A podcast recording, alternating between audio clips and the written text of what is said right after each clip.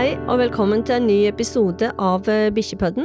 Mitt navn er Carmen Kadim, og temaet i dag det er kreft på hund. Og med meg så har jeg veterinær eh, Thomas Sissener, som skal fortelle litt mer om hva det er for noe. Velkommen, Thomas. Tusen takk. Så kan du fortelle litt om dette her med kreft på bikkjene? Hva er det for noe, hvor vanlig er det, osv.?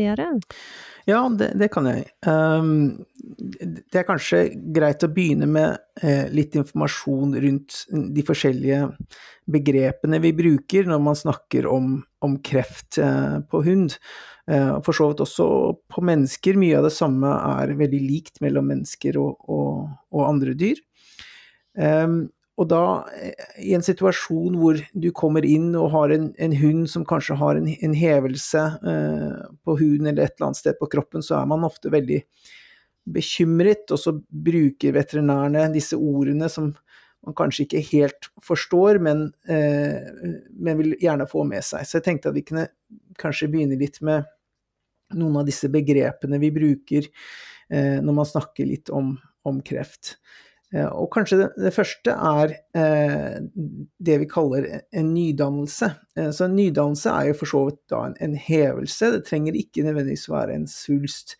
Og det betyr ikke at den er, eh, er godartet eller ondartet, det betyr at her er det noe som er unormalt eller har kommet seg da nylig og er en, en hevelse på kroppen. Og så bruker man da ordet svulst, eh, som er da en, tumor, og, det da, kan enten være godartet eller ondartet. Eh, og eh, godartet, det betyr at den kan vokse hvor som helst i kroppen, men den vokser lokalt. Eh, de kan bli ganske store, men de er ikke invasive. Altså de, de beveger seg ikke inn i eh, vevet rundt seg. Så klinisk så er det ofte et problem at de kan gi eh, problemer eller utfordringer med, med f.eks. trykk av omgivelsene rundt. Eh, kanskje de tar opp et rom i et område som ikke kan tilpasse seg eh, noe vekst eh, der. F.eks. en hjernesvulst. Den vokser inn i hjernen og presser hjernevevet, normale hjernevevet utover. Så blir det trykk. Eller kanskje de stopper materialer i kroppen fra sin normale bevegelse gjennom kroppen. F.eks en, en, type godartet uh, tarmsvulst. Så de er ikke invasive, de sprer seg ikke til resten av kroppen, men de kan gi lokale problemer. Og så har vi da det vi kaller ondartet svulster, og det er eh, svulster som da sprer seg eh, både lokalt inn til andre vev, og så sprer seg gjennom resten av kroppen. Og Det er det vi tenker på som kreft. Eh, så kreft da per definisjon er en, en ondartet svulst. Så navnet kreft det kommer egentlig fra gammel gresk og betyr da eh, krabbe. Eller, og, og, det er da den beskrivelsen de gamle grekerne hadde for hvordan en sånn nydannelse så ut, hvordan den forankret seg i huden og vis, virket som den hadde disse klør og bein som, som var, var invasive i underliggende vev. Og Det er der, vi er kommet til navnet på engelsk 'cancer', da, som er da stjernesegnet Eh, stjernetegnet som vi, vi, kaller krepsen på norsk. Mm, ja. Så eh, når du leser om kreft og, og, og, svulster og sånn i journalen, så vil du da ofte se eh, at eh, den blir beskrevet eh, både som enten godartet eller ondartet. Og så eh, det andre ordet bak, bak det vil det da være ofte en indikasjon på hvilket vev det kommer fra. Og da kan det komme fra mange forskjellige vev rundt omkring i kroppen. Men si at du har en, som du sa, en godarta som, som skaper trykk i vevet. Er den da veldig enkel å fjerne da, med operasjon? Den eh, kan være det, men noen ganger så kan den også være eh, vanskelig. Um, jeg hadde nylig en, en katt med, med, en godartet svulst i, i, hjernen, men den satt såpass vanskelig til inni hjernen at eh, vi måtte da eh, for så vidt ødelegge eh, normalt ved for å komme til svulsten. Så det kan hende at godartet eh, svulster kan være problematisk å, å, å fjerne eh, kirurgisk. Da. Man har også andre muligheter å behandle eh, kreft på, eh, og gårtetsulster på. Det kan inkludere eh, kirurgi og strålebehandling og, og, cellegift, som vi kan for så vidt komme tilbake til eh, litt etterpå. Mm. Men når det gjelder ondarta, altså når det sprer seg i kroppen, ja. gjør dere da? Er det håp for bikkjene da, eller er det cellegift og stråling på bikkjer? Det har jeg faktisk ikke hørt om. Så. Jo, altså eh, Det går jo litt an på, på hvilket, eh, hvilket, vev det kommer fra, hvor det, hvor det sitter i kroppen, og, og, og, det vil også si oss litt om spredningen, da. Så eh, f.eks. når man leser da i journalen til, til, hunden din som har fått en diagnose, da, så vil man ofte da få beskrevet, som jeg sa tidligere, enten godartet eller ondartet. Eh, og så vil man da Ord nummer to vil, vil fortelle deg litt om, om, hvor det kommer fra. Som f.eks. da eh, godartet eh, svulster, de ender ofte i bokstavene OMA. Eh, sånn som f.eks. en fibroma vil være da en godartet svulst eh, fra fibrøs vev, eller det vi kaller bindevev på norsk. Så da vet du at ok, denne kommer fra bindevev, og den er godartet. Men da hvis du har, sånn som du, du sier nå, en, en, en ondartet svulst, da, eller en kreft, eh, så er det viktig å vite hvor den kommer fra. Og det vil også fortelle deg litt om spredningspotensialet. Sånn f.eks. en, eh, en ondartet svulst fra bindevev vil ofte ende i ordet sarkoma. Så man kan ha da også en ondartet svulst fra bindevev. Og akkurat sånn som vi hadde en godartet svulst fra bindevev som het fibroma, så kan man ha en ondartet eh, svulst fra bindevev som heter fibrosarkoma. Eh, og eh, f.eks. hvis vi da har en ondartet svulst fra eh, lymfkjertlene som heter lymfosarkoma, så vil det fortelle oss mye om spredningen. At det går gjennom lymfesystemet. Eh, og kan fortelle oss litt mer om, om, hvor de pleier å gå. Og lymfesystemet ofte drenerer inn til, til hjertet og til milt og til lever, og da er det naturlig å si at ok, da sprer den seg i de områdene. Og det er der, det er der vi ser. Så når, når vi da eh, finner en ondartet svulst, så bruker vi da det samme systemet som brukes i mennesker for å eh, beskrive hvor disse eh, hvor aktive disse kreftsykdommene er, og hvor mye de har spredd seg. Og det systemet, det heter TNM-systemet. det, det, står for Tumor Node og Metastasis. Og tumor er selve svulsten. Node er da lymfeknuten, både lokalt og, og lengre nede i systemet. Og M, metast, metastase, altså spredning, det forteller oss litt om hvor mye den, den sprer seg. Så når vi da ser på en ondartet svulst, så bruker vi dette systemet for å karakterisere uh, mer om tumoren, og det vil kanskje gi mer informasjon om hva slags svulst er det. Uh, har den gått til de lokale lymfekjertlene, eller har den gått videre med, med metastase eller spredning til resten av kroppen? Og det kan fortelle oss veldig mye om ikke bare diagnosen, men prognosen og behandlingsalternativer vi kan bruke videre. Men hva er det som er de mest vanlige da krefttypene på bikkjene? For det som jeg har hørt som ofte går igjen, det er liksom det i, i, i juret på dem. Ja, eh, og det eh, eh, høres litt rart ut, men varierer veldig fra områder i verden. Så her i Norge så har vi en dyrevelferdslov som gjør at man ikke kan kastrere eller sterilisere eh, hunder uten en eh, medisinsk grunnlag. Så her i Norge så er det relativt vanlig at hunder ikke er sterilisert eller kastrert. Mens f.eks. i utlandet, sånn som i England eller i Tyskland eller i USA, spesielt områder hvor de også kan slite litt med løshunder og, og problemer der, så er det mye mer Eh, vanlig at hunder og katter blir eh, sterilisert i en ung alder. Og da spesielt tisper, når de blir sterilisert eh, før den første løpetiden, eller i hvert fall før den andre løpetiden, så vil de ha 90% færre eh, jursvulster. Sånn at eh, her i Norge så er absolutt eh, jursvulster en av de vanligste vi ser. Mens når jeg jobbet som kirurg i utlandet, så var jursvulster veldig sjeldne.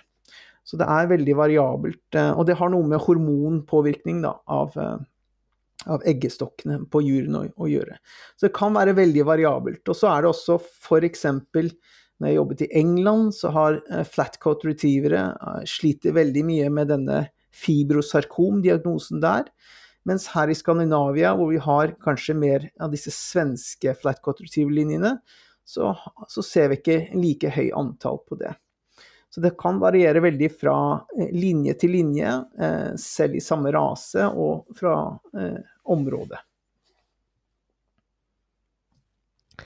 Men øh, får bikkjene Kan de få livmorkreft? Er det vanlig?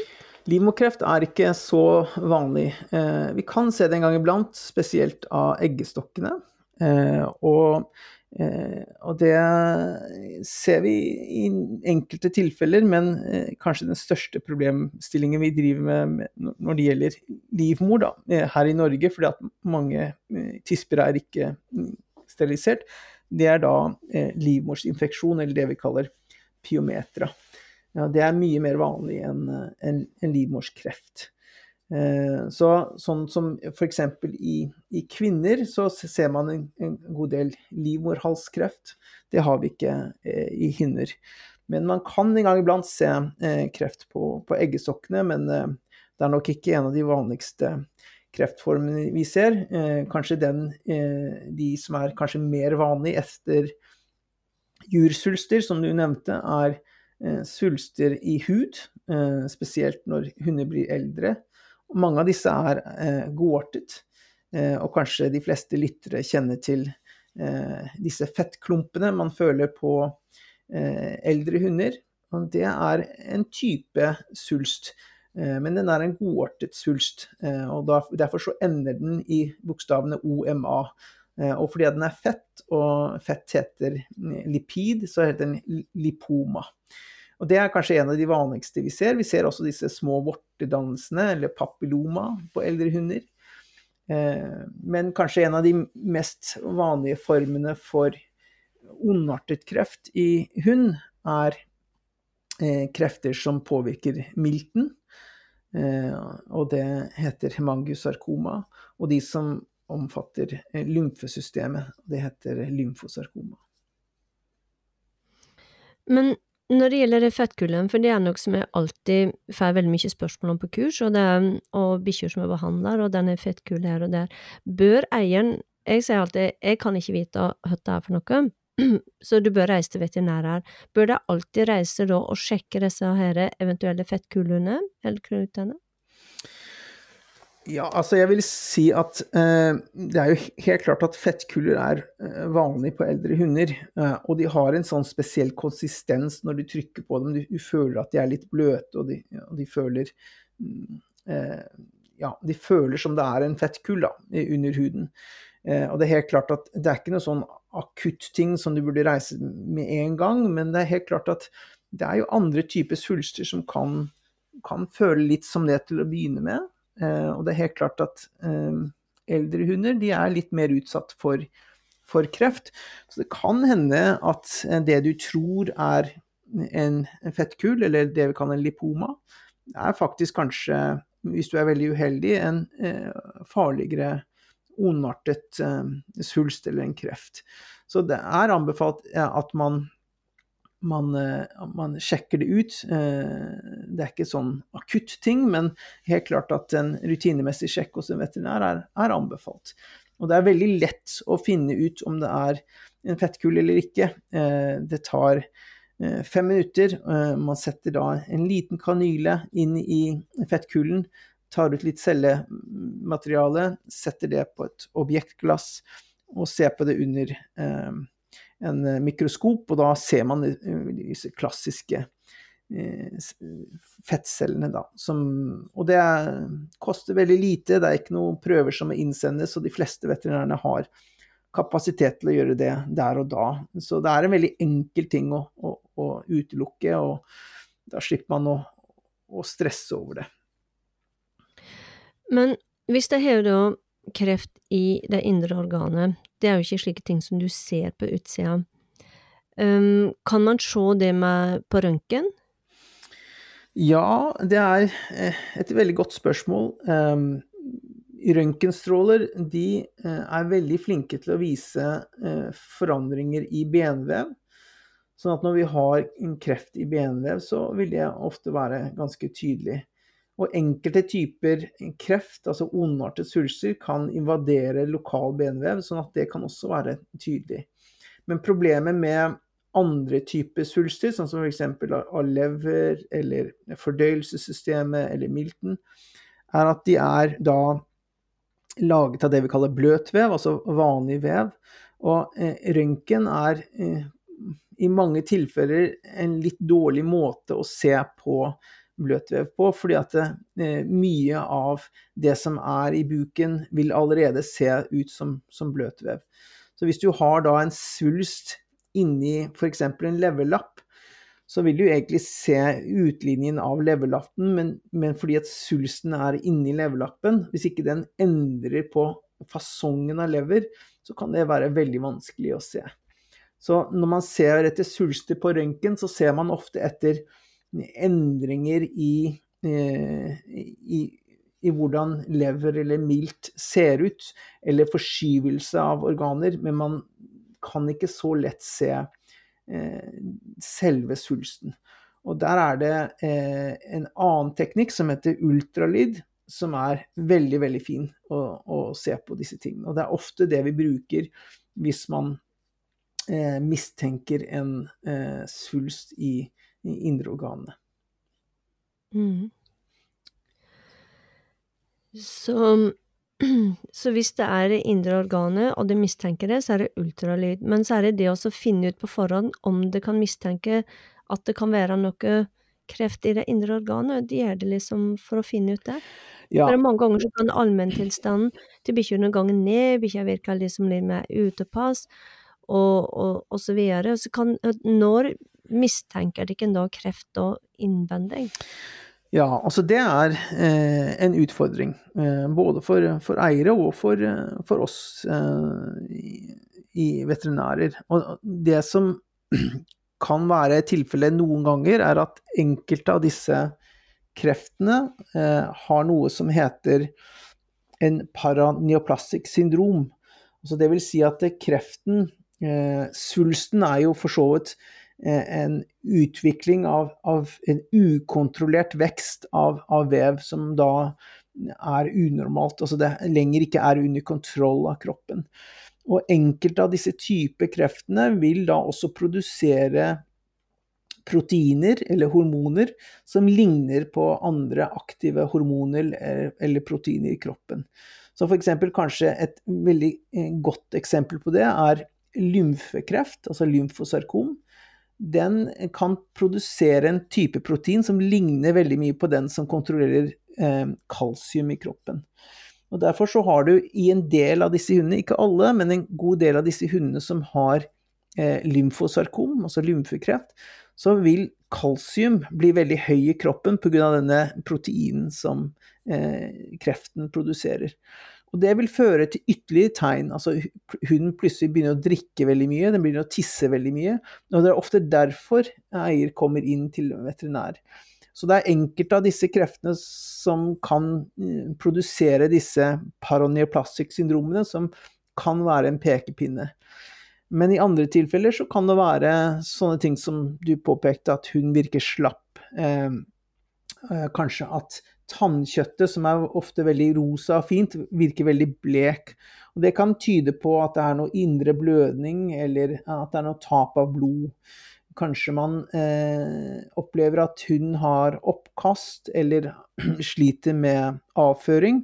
Og det kan eh, tyde på eh, en kreft i indre organet på fordøyelsessystemet, enten i tarmen eller i magesekken.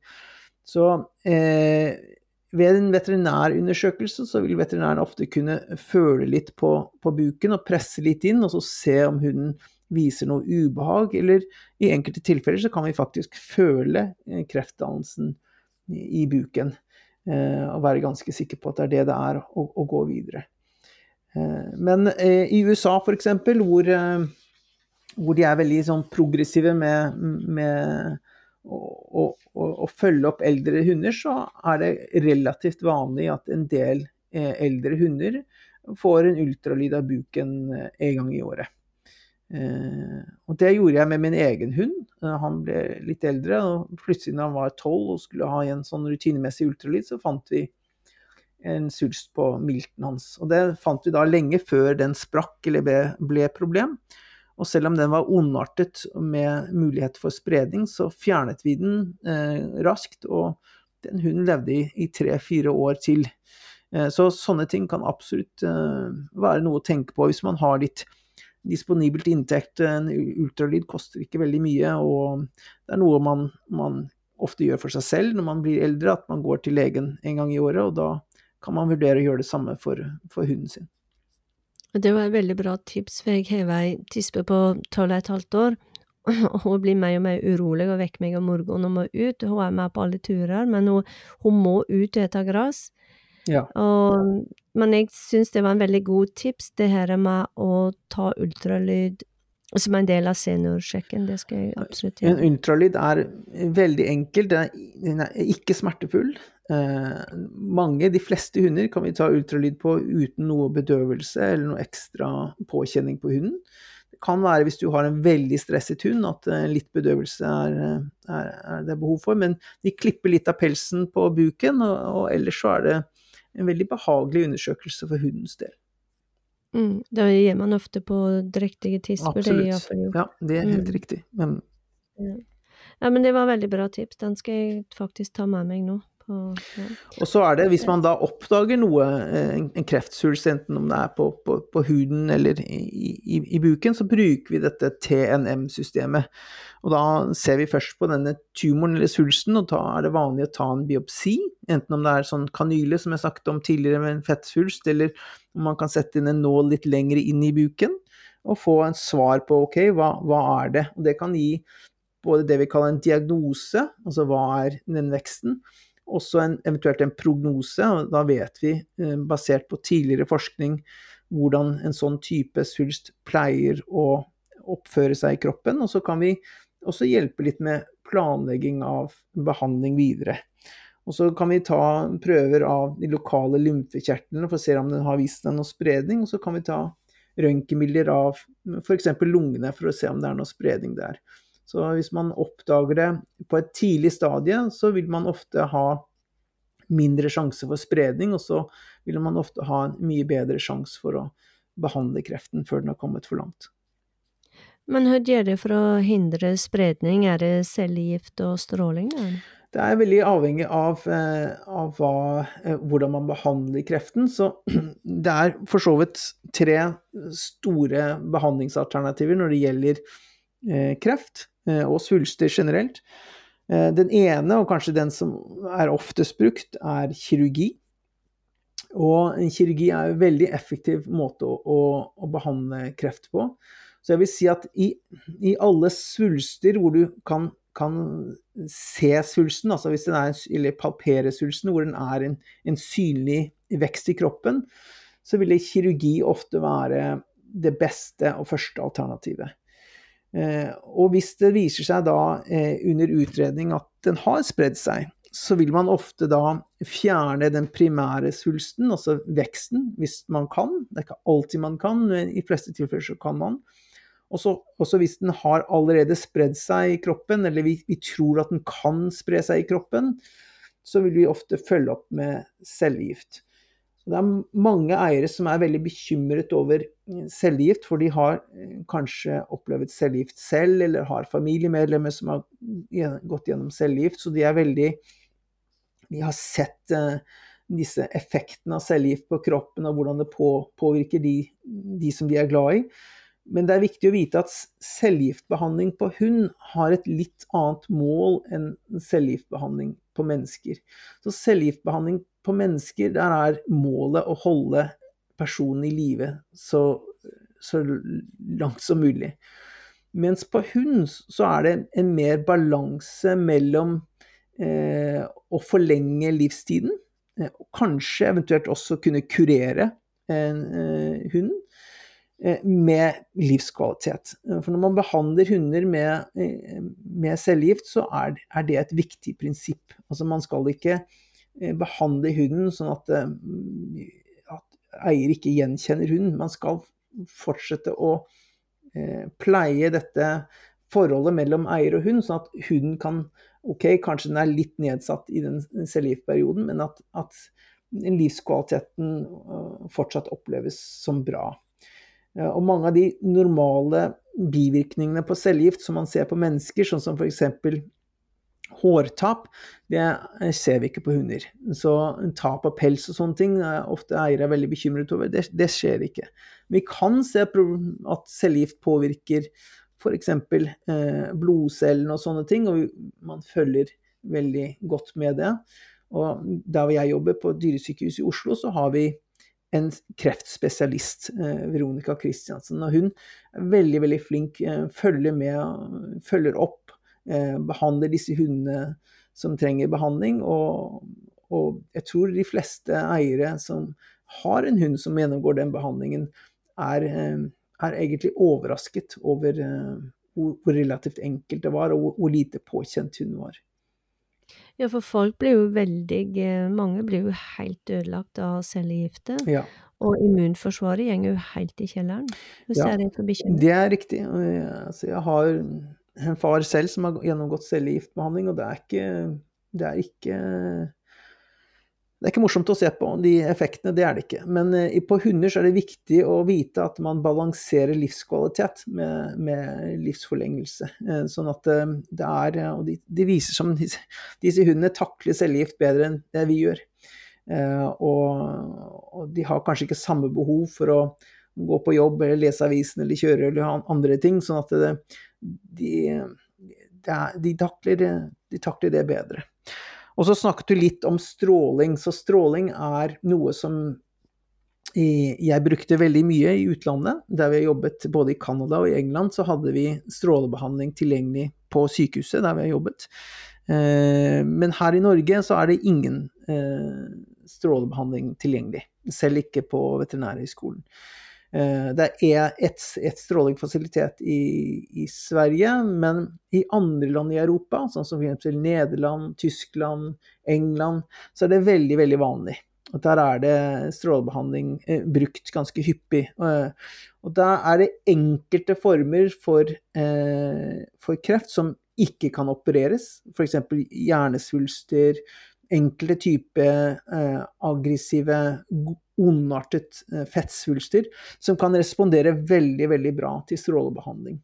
Og når jeg jobbet i England, så var det ikke uvanlig at vi brukte strålebehandling på enkelte typer bindevev, eller aggressive bindevevsvulster, eh, hvor svulsten var for stor for å fjerne eh, kirurgisk, men vi brukte da strålebehandling i forkant av operasjon for å eh, minske svulsten, sånn at vi kunne da fjerne den kirurgisk.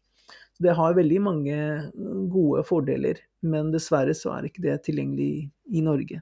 Jeg har hatt noen pasienter som har eh, reist til eh, Tyskland eller til England med sin hund for, eh, for strålebehandling. Men får de stråleskader? For det vet jeg òg, folk får nerveskader osv. etter strålebehandling. Får bikkjene det? De, kan få det. En av de tingene som jeg sliter med som kirurg, er det at eh, strålebehandling kan påvirke sårheling. Eh, sånn at eh, vi kan få komplikasjoner med sårheling, spesielt hvis vi må gjøre noe plastikkirurgi, altså flytte hud eller transplantere hud, så kan det være en utfordring. Noen kan få eh, stråleproblemer, eh, mm, latente skader i tarmen f.eks. Så det er mulig, men spesielt eh, noen av de nyere strålebehandlingssystemene som vi har, ja, dessverre ikke her i Norge, men f.eks. i England, så er det planlagt med en sånn spesiell type CT-maskin, sånn at strålene blir eh, eh, blir gitt fra mange forskjellige vinkler rundt tumoren, eh, direkte inn til tumoren. Og det at du kan da bevege denne strålemaskinen i 360 grader rundt svulsten, fører til at normale vevet rundt svulsten blir mindre utsatt for stråleskade, for den får ikke den samme strålene om og om igjen. Den, den da blir spart litt av den effekten. Og Det er også noe av de teknikkene de bruker, bruker på mennesker.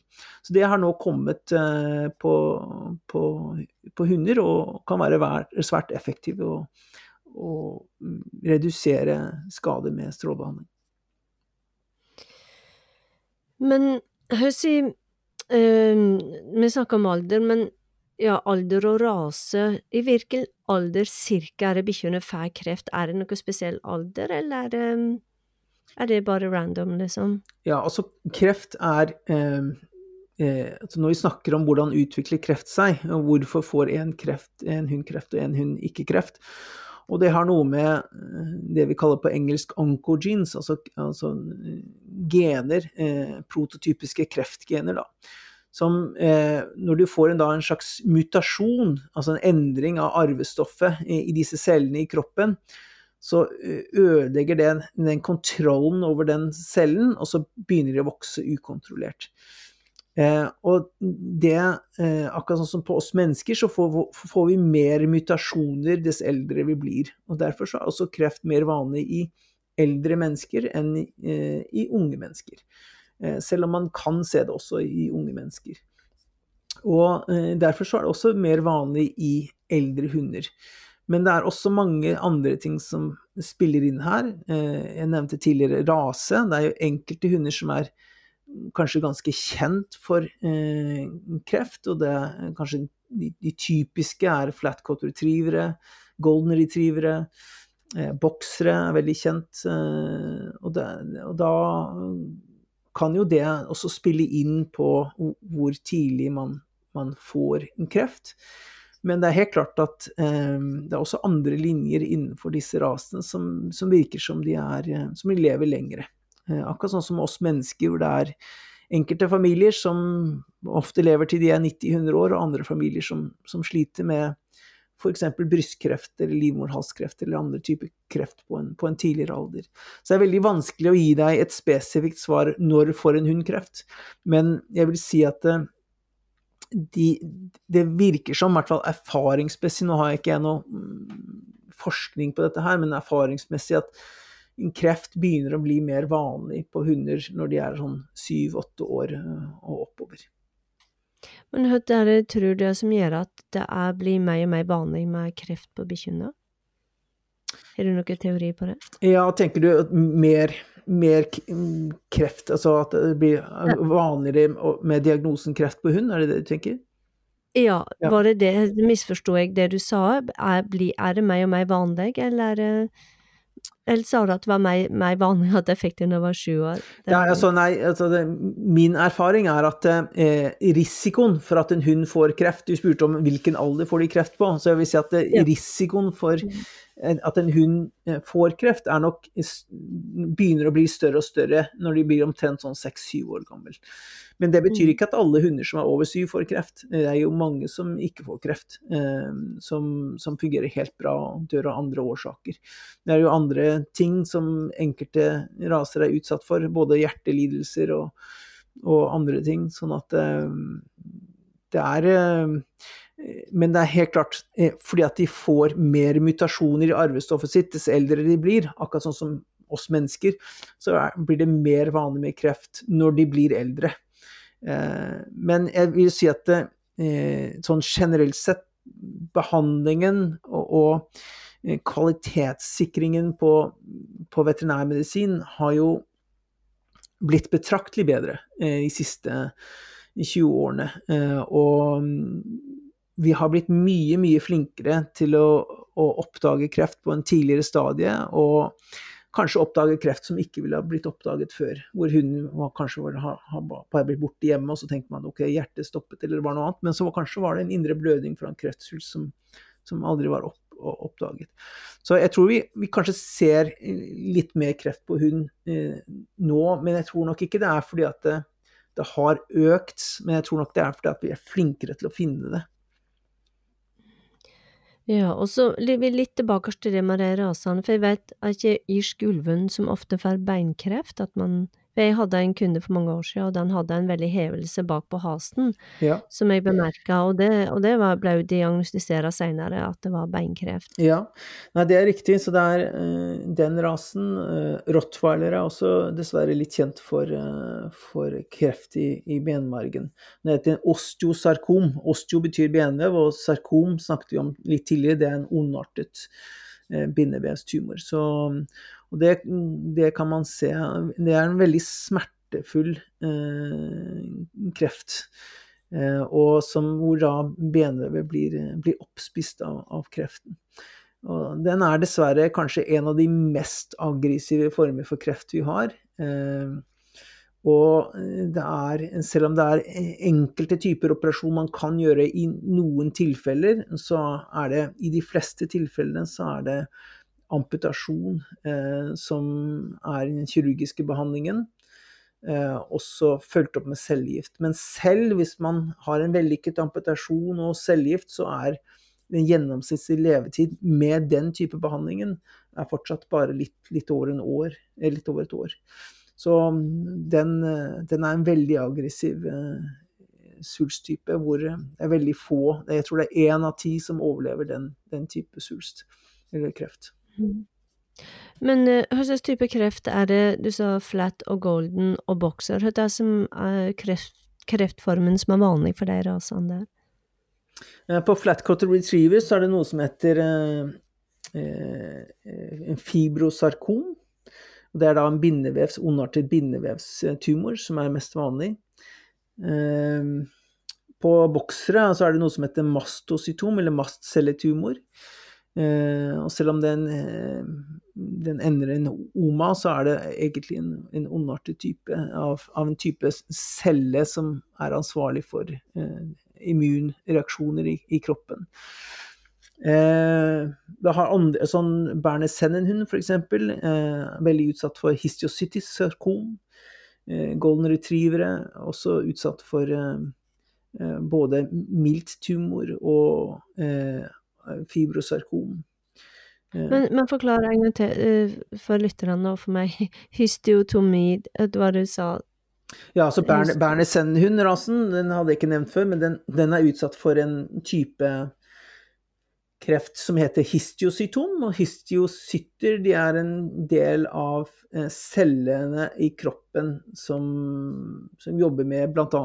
immunforsvar og sånne ting. Så det er én type kreft som Berner-Senn-hund får, da. Er ikke det veldig vanlig på Berner-Sener, for den blir jo ikke så gammel heller? Er ikke veldig vanlig, for Jeg har en venninne som har hatt Berner-Sener, og, og, hun tror jeg sleit litt med at de fikk kreft ja, ja. når de ble rundt fem år. Den er dessverre en veldig vanlig diagnose på Berner-Sener når de blir eldre, ja. Mm. Andre raser, da? Ikke jo at irsk setter som har hatt jurkreft. Ja, altså jurkreft uh, vil jo være veldig på, påvirket av um, om det blir sterilisert eller ikke. For det er, er, er, er, påvist at hvis du steriliserer en tispe før den har første løpetiden sin, så jeg vil ikke si garantert, men du er nesten garantert at den hunden ikke får gyrsvulster. Men her i Norge så har vi eh, en, en dyrevelferdslov som, som, ikke tillater rutinemessig sterilisering. Og, og, enten om du er, er, positivt innstilt eller negativt innstilt til det, så, så, vil jo det ha konsekvenser med at vi ser eh, mye jursvulst. Og det ser vi nesten utelukkende i, i alle raser. Alt fra chihuahua til grand danois. Så det er, eh, det er da kanskje mer påvirket av hormonene enn det det er av, av rasene. Mm. Men som sagt, på de 30 årene jeg har hatt i irskjetter, så er det faktisk bare ei som har hatt det, da, bank i bordet i knock on wood, altså, for det, det, kan komme. Men jeg, jeg, har ikke hatt det veldig mye på tispene mine. Da. Nei. Nei, og det er jo veldig positivt. Og det kan jo kanskje ha noe med eh, de linjene du har brukt, eh, og disse onkogenene. Altså det er jo et veldig komplekst system, da. Det er det absolutt. Mm. Ja, er det andre ting du vil si rundt dette med kreft? Jeg tror jeg vært gjennom den spørsmålslista. Jeg, jeg, tenker at eh, kanskje en av de tingene som er veldig spennende, er eh, det som skjer på horisonten med, med nyreterapi. Eh, og det som er veldig, veldig morsomt, da, er at, eh, at, en del av de nyreterapiene som nå begynner å brukes på, på mennesker, har faktisk blitt utviklet i første omgang på hund. Eh, og eh, et, noen eksempler på altså, Kanskje en av de eh, områdene som er veldig spennende, da, er eh, både på humansiden og på, på veterinærsiden, er å, å, prøve å produsere en type medisin eller cellegift da, som, eh, som man kan sette inn i kroppen, men som bare blir aktivert eh, der hvor tumoren er, da. Så når man prøver å finne du kan, Hvis du kan tenke deg en slags type gift som, eh, som blir tiltrukket bare til denne kreften, dreper kreften, men sparer resten av kroppen. Har ingen, ingen påvirkning på, på, på, resten av kroppen. Og det er nok eh, det som er eh, det store målet, både på veterinærsiden og på humansiden.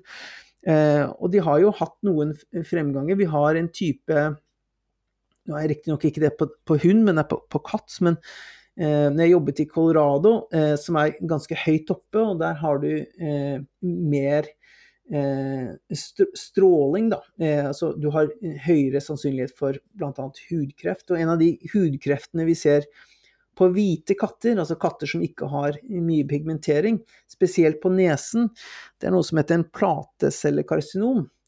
Eh, og den fører til at, at kattens nese eh, blir veldig ulcerert og blødende, og, og, kreften begynner å spise opp, opp nesen.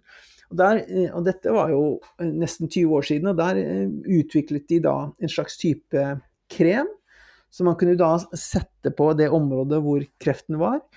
Og så eh, hadde katten da en kort bedøvelse, la oss si, og så satte vi på et sånt spesielt lys. Og det lyset, det aktiverte denne eh, cellegiften i kremen, så den angrep bare der hvor kremen var satt på. Eh, og det er jo eh, sånn Det var eh, kanskje en av de, de første forsknings, store forskningsprosjektene, og det blir brukt mer rutinemessig nå. Men så har man også andre ting, sånn som f.eks. Eh, en vaksine som er utviklet på hunder mot eh, melanom, som også er en hudkreft som man ser på, på mennesker. Så man kan fort, faktisk ta ut celler fra melanomen på hund, og så sende det inn til en sånn eh, produsent, hvor de lager en vaksine sånn at kroppens immunsystem angriper melanomen. Eh, og så dreper, dreper eh, kroppen da, denne hudkreften. Og så har vi da en, en, ny medisin nå i Norge siste året som, som heter Stelfonta. Og den, den, eh, er en type medisin som man kan sette inn i en mastocytom, altså en mastcelletumor, og så dreper den kun eh, disse unormale mastcelletumorene. Og det kan også brukes på områder der hvor det ikke er så lett å operere, eller kanskje en operasjon vil eh, ødelegge eh, kosmetikken av hunden. Da. Kanskje den er på, på, hodet eller på leppene eller et eller annet, annet sted. Så det er veldig mye som, spennende som skjer fremover, eh, og vil skje fremover, som eh, vil hjelpe både, både hunder og mennesker. Men vil dette bli veldig dyre behandlinger, da? Ja, altså no, noe av det er jo øh, dyrt. Eh, prisen kommer jo ned etter hvert, akkurat sånn som det gjør med, med humanmedisiner. Dess lenger den er ute, dess, dess, mer vanlig blir det, og prisen går ned. Men enkelte av disse, disse behandlingene blir jo også dekket av, av forsikringen. Er jo, kreft er jo ofte dekket av forsikring. Det som er, kan være litt vanskelig, er at øh, mange hunder veldig, uh, har veldig dyr forsikring da, når de blir eldre. Og det er jo fordi at uh, forsikringsselskapene de kjenner jo til at, at, det er mer vane med kreft når hunder blir eldre. Men en forsikring vil jo dekke en del av sånne type kostnader. og kostnadene vil jo komme ned over tid, da. Men jeg opplever ikke at det er, det er mange som bl.a. f.eks. med Stelfonta som behandler hunden sin uten at de er forsikret, eller uten at, uten at de har problemer med, med kostnader forbundet med det. Men eh, da er vel òg sikkert eh, både ja, cellegiften òg dyr for bikkjene her? Stråling er jo ikke her, så det Ja, det går veldig an på hva slags cellegift du bruker. Som f.eks. på lymfom eller lymfesarkom, lymfekreft, så er en av de cellegiftene jeg bruker, er prednisolon, kortison. Og den eh, kortison er jo kjempebillig. Det, så det er enkelte typer eh, cellegift som er eh, veldig billig, og noen typer cellegift, sånn som f.eks. Eh, cisplatin, som er laget bl.a. av platina, eh, som er veldig dyrt. Eh, og man kan i enkelte tilfeller skreddersy en kombinasjon av cellegiftene til, eh, som tilpasser litt da også de utgiftene man har. Men det er helt klart at, eh, at behandling av kreft er, er, dyrt både på mennesker og, og på hunder, men hos mennesker så er det jo eh, staten som dekker mye av kostnadene, mens på, på, hunder så er det jo ikke det. Og det er derfor det er ofte dyrt å, å gjøre det. Og da må eieren eh, vurdere litt, da, både kostnader og, og, kanskje da prognose. Hvis man La oss si at man har en diagnose hvor, hvor en, en operasjon og kanskje cellegift har en høy sannsynlighet for å kurere huden.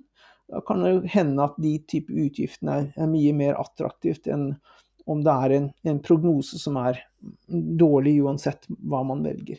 Så, sånne ting er vanskelige beslutninger å ta, men er viktig å, å tenke på. Ja, for jeg tenker at eh, det må være viktig å tenke på bikkja sin livskvalitet. Ja.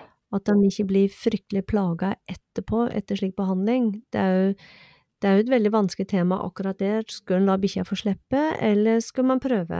Ja, og det er jo eh, vi også opptatt av som veterinærer. Som, som, dyrehelsepersonell så er vi også veldig opptatt av bra livskvalitet. Eh, jeg vil, vil, jo påstå at de, de, aller, aller fleste av oss er, har det som høyst prioritering, og føler at, at vi har et, et ansvar for, for hunden for å også eh, på hundens vegne presentere sånne typer behandlinger som kan, kan være effektive. Eh, og, og, og, i hvert fall presentere også alternativer. Det er ikke alltid at, at cellegift er for alle mennesker eller alle dyr. Selv om vi kan gjøre det, så betyr det ikke nødvendigvis at, at vi må. Eh, og jeg vil tro at de, de fleste veterinærene jeg kjenner, og dyrepleierne og de jeg jobber med, er, er veldig opptatt av livskvalitet. Jeg har vært på det dyresykehuset jeg jobber på. Og, og, at rundt omkring i Norge så har vi eh, veldig flinke og dyktige eh, dyrleger og dyrepleiere som også er opptatt av det samme. Eh, og så er det viktig at vi, vi gir de behandlingsalternativene eller valgene som er tilgjengelige. Og så, er det litt opp til eier også for å, velge det litt selv. Jeg vet at veldig mange syns det hadde vært fint om veterinæren kunne bare bestemme for dem, men da spesielt fordi det er en del utgifter forbundet med sånn type behandling, så er det viktig å se på prognosen.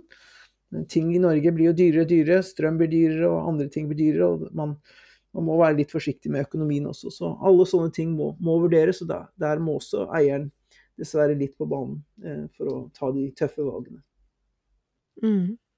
Ja. Dette var veldig eh, informativt, Thomas. Tusen hjertelig takk. Det, Bare hyggelig. Jeg lærte mye. Ja. For det, mm.